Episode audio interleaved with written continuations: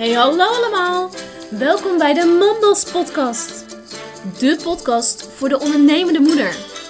Mijn naam is Caroline Venema, de Mondos motivator. En ik inspireer jou om het beste uit je te halen. Omdat je ook als moeder nog heel ambitieus mag zijn. Veel luisterplezier!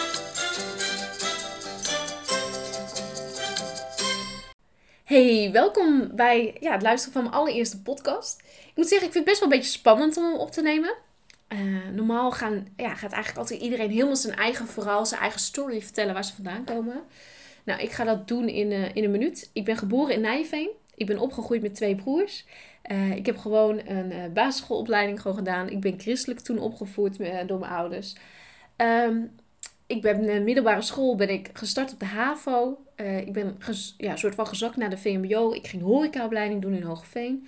Toen heb ik een ondernemerskant uh, ja, kant gekozen. Dus ik ging eerst verkoopspecialist, uh, toen een ondernemersdiploma behaald. Ik heb gewerkt bij de VD, Scapino, altijd in BBL-trajecten, zeg maar. En uiteindelijk ben ik als hoofdcashier geëindigd in, de, in de supermarktwereld, zeg maar. Daar heb ik zeven jaar gedaan, met heel veel passie en plezier, totdat ik op het punt kwam dat ik zwanger was. Nou, dit is echt razendsnel, maar het is me gelukt binnen een minuut. Ja, want ik wil graag bij, bij, bij het punt beginnen over mijn mommy burn-out. Want dat is namelijk het punt geweest waarbij alles in mij veranderde. En dat is het punt dat ik dus zwanger werd van uh, mijn zoon. Ik was getrouwd met de liefde van mijn leven. Uh, we waren uh, ja, echt net, net een drie maanden of zo getrouwd. Toen was ik al zwanger. En eigenlijk zaten we precies in een punt van ons leven waarin we struggelden met de familie. Ik struggelde heel erg met mezelf. Heel erg met de belemmerende overtuigingen die ik van vroeger uit mee had gekregen. Zoals doe maar gewoon, dan doe je al gek genoeg. Of je moet heel erg hard werken om iets te kunnen bereiken in je leven. Die belemmeringen heb ik heel erg meegekregen en daar struggelde ik mee. Ik had een leidinggevende baan uh, in de supermarktwereld. En uh, ik had op zich prima naar mijn zin. Maar ik was niet gelukkig. En dat niet gelukkige gevoel, dat heb ik mijn hele zwangerschap ook gehad. Ik had een hele pittige zwangerschap, waardoor ik vrij vroeg uh, eigenlijk plat moest liggen, maar dat wou ik niet. Dus ik ging doordoen en daardoor werden de klachten weer erger en noem maar op. Dus met andere woorden, ik lag met uh, 25 weken plat, uh, met ribkraakbeen ontstoken, noem maar op. dus echt een drama zwangerschap heb ik gehad. En ik bleef ook in die mindset hangen toen, zeg maar. Dus heel erg in de drama en het is zo zwaar en dat, zeg maar. En doordat er ook heel veel familieproblemen zo speelden, ontwikkelde ik angsten. Angsten voor wat als de kleine er is. En, en uh, ik ging heel erg in de, in de toekomst denken, wat mij niet verder hielp. Dus uh, toen, ja, toen hij geboren werd en ook het geboorte, zeg maar, dat was echt een controlding van mij. Ik wou worden ingeleid en ik wou de datum beslissen. En nou, op die manier leefde ik toen heel erg. En dat hielp mij niet heel erg veel verder. Ik ben ook bevallen met een stortbevalling. Dus binnen vijf uur is mijn zoontje geboren. Ik kan je vertellen, voor een eerste bevalling is dat niet het allerfijnst. Um, en mijn zoontje, die had daardoor ook een hele slechte start. Die was nog heel erg klein. Die was nog helemaal niet klaar voor om geboren te worden. Uh, hij had een navelstreng uh, omstrengeling. En uh, ja, hij had gewoon heel zwaar. En doordat we zo'n start hadden en alles ja, meespeelde uh, was er eigenlijk toen we bij vijf dagen of zo, ja, vijf dagen na de bevalling, toen mochten we naar buiten. En ik zeg, ja, maar we gaan niet buiten. Dat hoeft niet. We hoeven niet naar buiten. En toen pas kwam er uit dat ik dus niet naar buiten durfde met mijn kind. Ik was bang. Ik had angsten. Ik was bang dat iemand mijn kind mee zou nemen. Ik was heel erg angstig. En zo angstig uh, dat ze dus hebben besloten bij vijf dagen om een psycholoog in te schakelen. Zo van, dit gaat niet goed, we gaan een psycholoog inschakelen. En daar heb ik hele fijne gesprekken mee gehad. Um, heel veel zeggen ook van, heb je dan niet die postnatrale depressie gehad? Nou, die had ik niet, want ik was niet zozeer depressief. Ik was gewoon heel erg bezig met, wat wil ik nou in mijn leven? Um, waarom doen we dit? Of waarom heel erg met mijn belemmeringen bezig. En ook heel erg met natuurlijk familieproblemen speelden er. Heel veel angsten had ik ontwikkeld. Uh, dus echt veel meer met mezelf bezig. Uh, en eigenlijk was de geboorte zeg maar, van mijn kind en dat ik zorgzaam moest zijn. Dat was het punt waardoor het allemaal erger werd. Dus uh, ik heb bijna ja, tien maanden een traject zeg maar, gehad bij de psycholoog.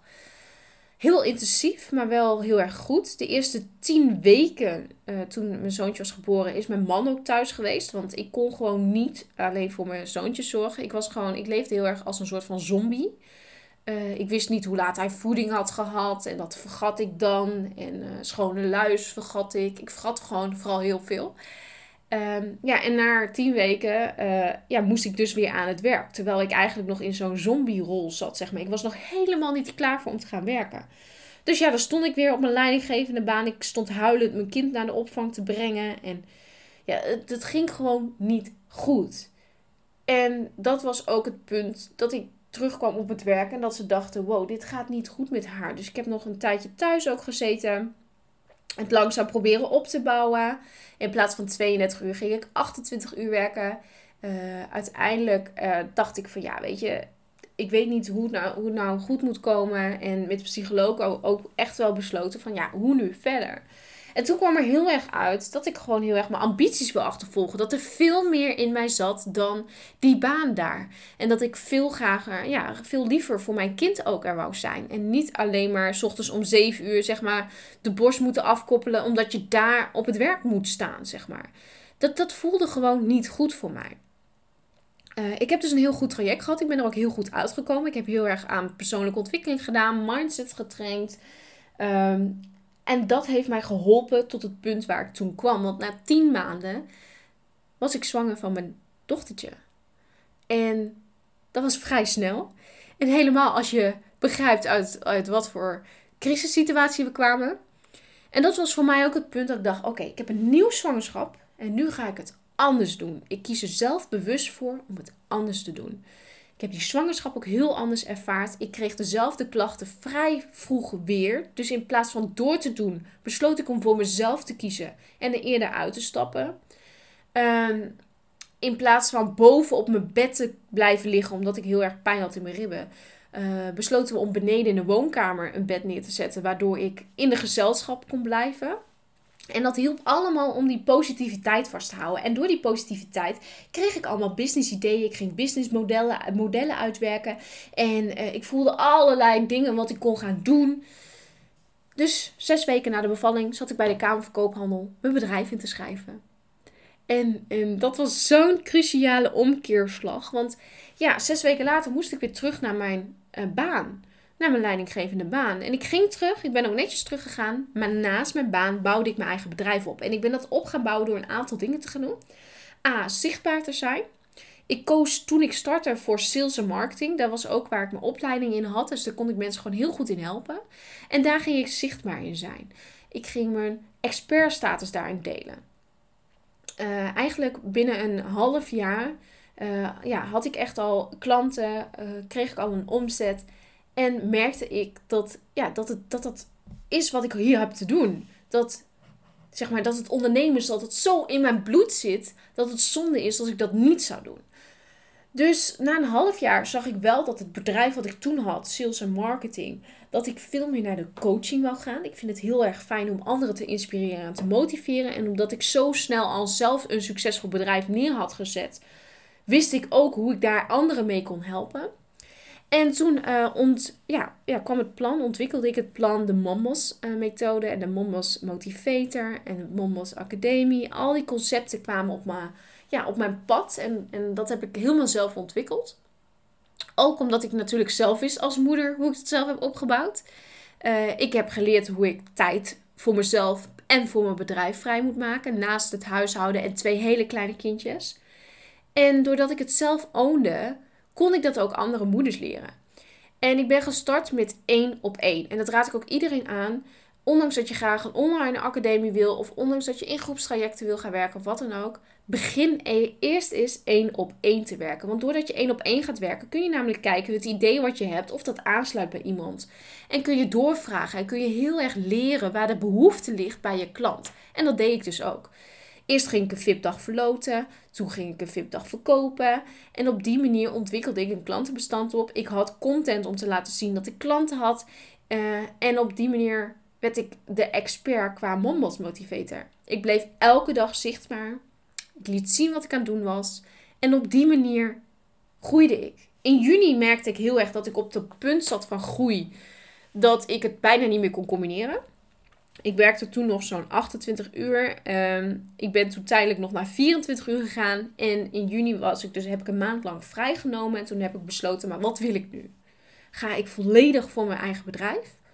Of blijf ik hangen in die loondienstbaan omdat dat ergens dan wel weer veilig voelt?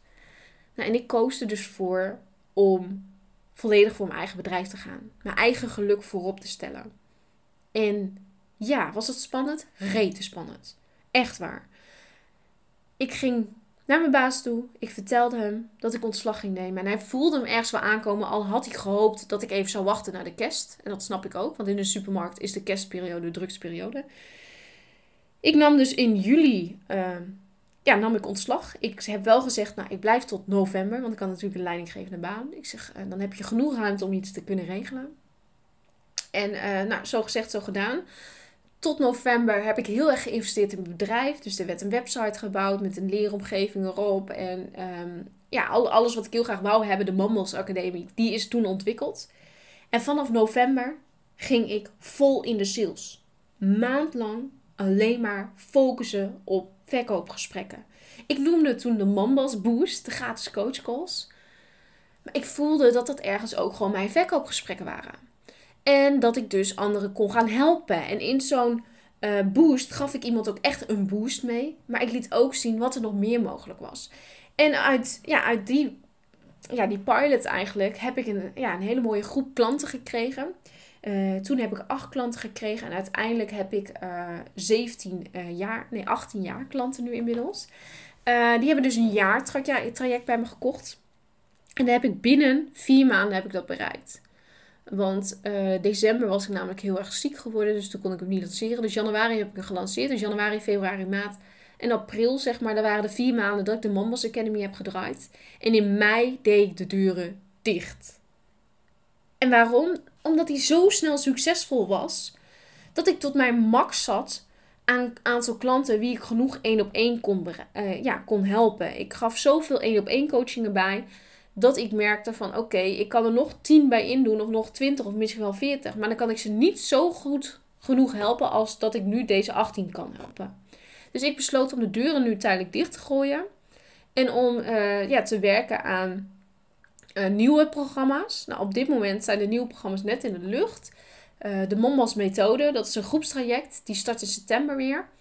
En dat wordt echt een traject voor starters. Dus dan heb je al wel een beetje de basis staan, maar je weet nog niet hoe je klanten moet krijgen. Of het lukt je nog niet. Of, uh, en dan gaan we echt zorgen dat het dus een succesvol bedrijf gaat worden. Dus dat je, je leert hoe je goed online kunt ondernemen. En ik heb een één op één programma nu, uh, de Mama's Next Level. En dat is wel echt voor ondernemers die de basis al goed hebben staan, maar nu gewoon meer omzet willen, uh, structureel de structuur willen aanbrengen in hun business, in hun leven. meer voor zichzelf ook willen kiezen waardoor dat uh, beter gaat lopen. Nou, die programma's die zijn dus nu in de lucht.